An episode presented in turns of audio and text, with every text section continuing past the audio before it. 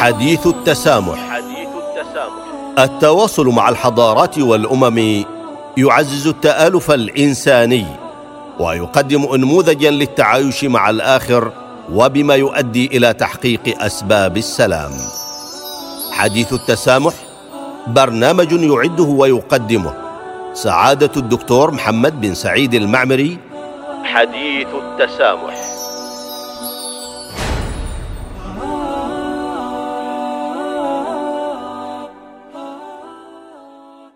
الحمد لله رب العالمين والصلاة والسلام على رسول الله الأمين وبعد. السلام عليكم ورحمة الله تعالى وبركاته. سعيد بهذا اللقاء المتجدد بكم في برنامجكم حديث التسامح.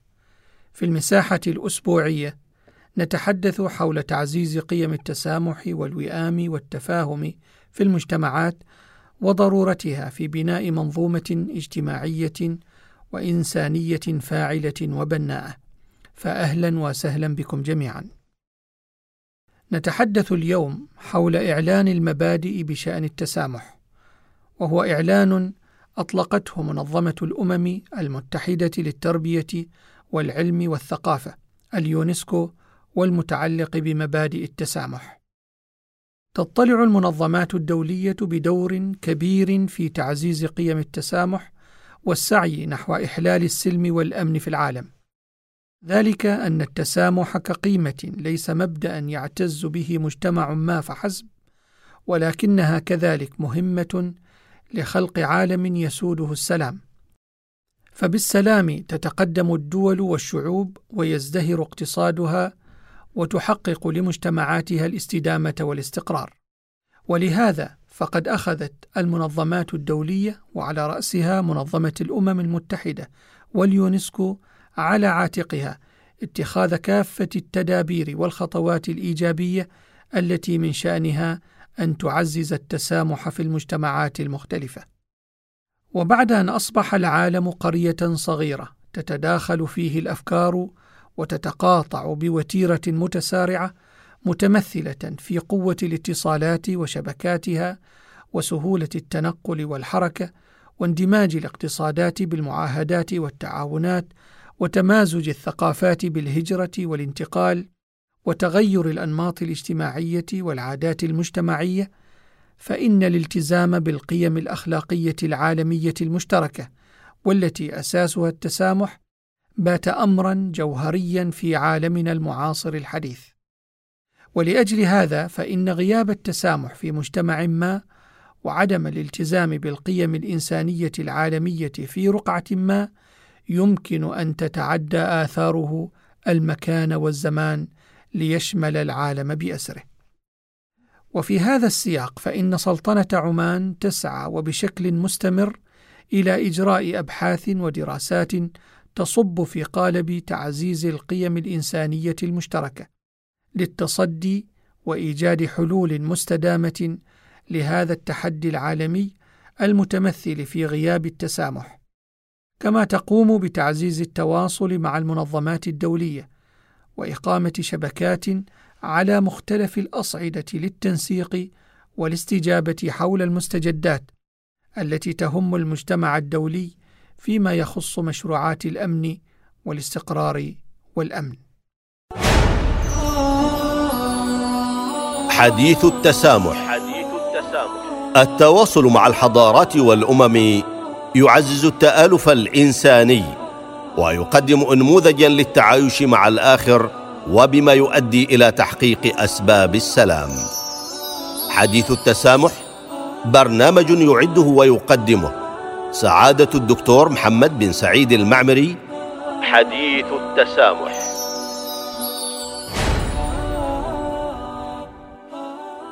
أيها المستمعون الأعزاء، لقد اعتمدت منظمة الأمم المتحدة للتربية والعلم والثقافة اليونسكو العام 1995 عاما دوليا للتسامح. وفيه اعتمد المؤتمر العام لليونسكو في دورته الثامنة والعشرين المنعقدة في السادس عشر من نوفمبر بباريس إعلان المبادئ بشأن التسامح.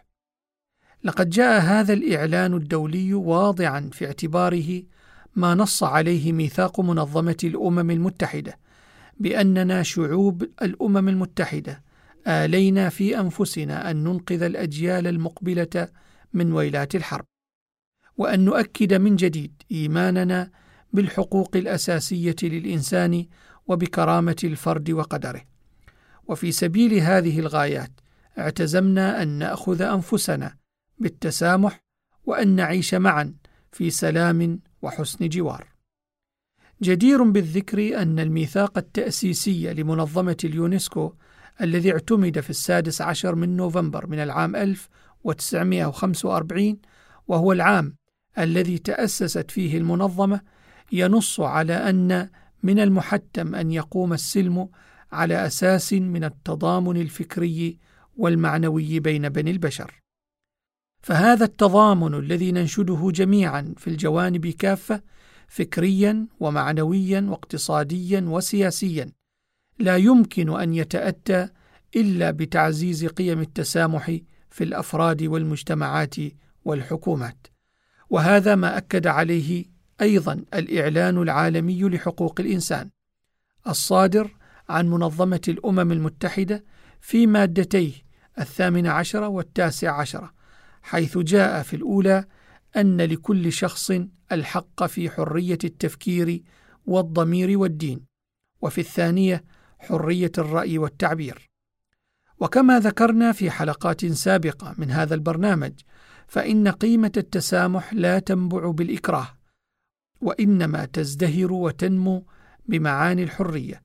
فلا تسامح بلا حرية ولا حرية بلا مقدرة حقيقية على إبداء الرأي والتعبير عن الذات. جاء في قاموس ليتسلر 1745 أن التسامح ليس شيئا آخر غير أن يحاول المرء التعامل مع الآخر بروح سلمية، وأن لا يمنع أحدا غيره من حقوقه الطبيعية، وأن يتولى المرء بكل لطف دحض الآراء الخاطئة التي تقال على منابر الوعظ والتي يكتبها القائمون على هذه المنابر وأن يجتهد المرء بكل تواضع ويحتمل لتعليم غيره ما هو أفضل. وعرفت الموسوعة البريطانية التسامح بأنه السماح بحرية العقل أو عدم الحكم على الآخرين.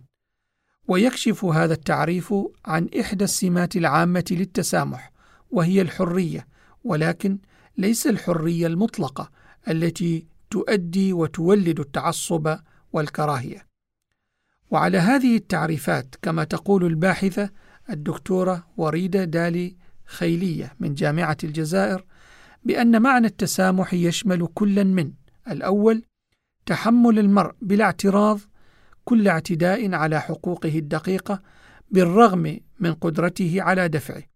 الثاني احترام حرية الإنسان في التعبير عن آرائه ولو كانت مضادة لآرائك. الثالث هو أن يحترم المرء آراء غيره لاعتقاده إنها محاولة للتعبير عن جانب من جوانب الحقيقة الرابع التسامح وهو قبول طرق تفكير الآخر وطرق حياته مختلفة عما لديه هو من طرق تفكير وحياة غيره لو تحققت هذه المعاني لأصبح مبدأ التسامح مبدا توافقيا. الغرض منه ليس الأخذ بالممنوعات ولكن الوصول إلى التوافقات. كما يقدم أندري لالاند عدة تعريفات لمفهوم التسامح.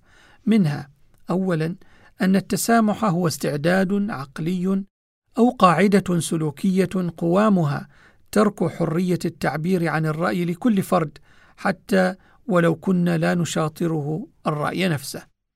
ثانيا التسامح هو احترام ودي لآراء الآخر وذلك باعتبارها مساهمة في الحقيقة الشاملة.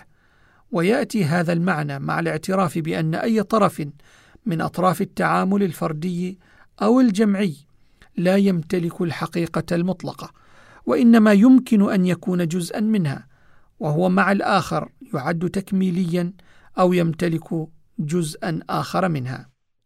عموما تضيف الباحثة وريدة أن التسامح هو الموقف الإيجابي المتفهم للعقائد والأفكار والذي يسمح بتعايش الرؤى والاتجاهات المختلفة على أساس شرعية الآخر سياسيا ودينيا وعليه فالتسامح هو امتزاج بين الفكر والأخلاق وتعبير عن موقف فكري من جهة وموقف أخلاقي من جهة أخرى.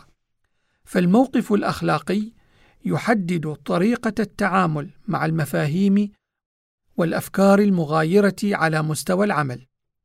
والموقف الفكري يحدد طريقة التعامل مع المفاهيم والأفكار المغايرة على مستوى النظر. عندما يصبح للتسامح كل القوة والفاعلية والتجلي يتحول إلى موقف إنساني ثابت والتزام أخلاقي راسخ ومصدرا للاستلهام فالحكمة تتغلب على التعصب والتسامح حكمة والمنطق يتغلب على العنف والتسامح منطق والشجاعة تتغلب على التهور والتسامح شجاعة والحرية تتغلب على التكفير والتسامح حرية. بهذا الإدراك ينبغي أن نتعامل مع التسامح ومنه أي من فكرة الترابط بين الفكر والسلوك كمنظومة تكاملية لمعنى التسامح ليتبين أن التسامح هو استعداد نفسي وسلوك ناتج عن هذا الاستعداد لتفهم آراء ومواقف الآخرين المغايرين لنا في الاعتقاد والتصرف. أيها المستمعون والمستمعات إن إعلان المبادئ بشأن التسامح جاء إيمانا من منظمتي الأمم المتحدة واليونسكو وكذلك الدول الأعضاء فيها بالحقوق الأساسية للإنسان وبكرامته ومكانته. لقد جاء ممهدا الطريق نحو العيش معا في سلام وحسن جوار.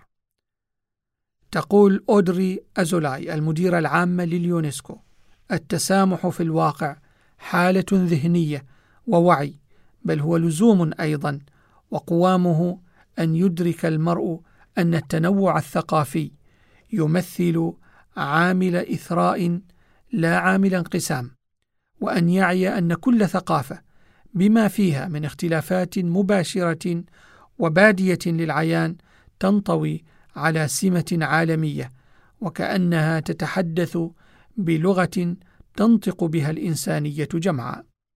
انتهى الاقتباس، ونكمل الحديث معكم في هذه الجوانب في الحلقة المقبلة بإذن الله وتوفيقه. حتى ذلك الحين نلقاكم على خير، والسلام عليكم ورحمة الله تعالى وبركاته.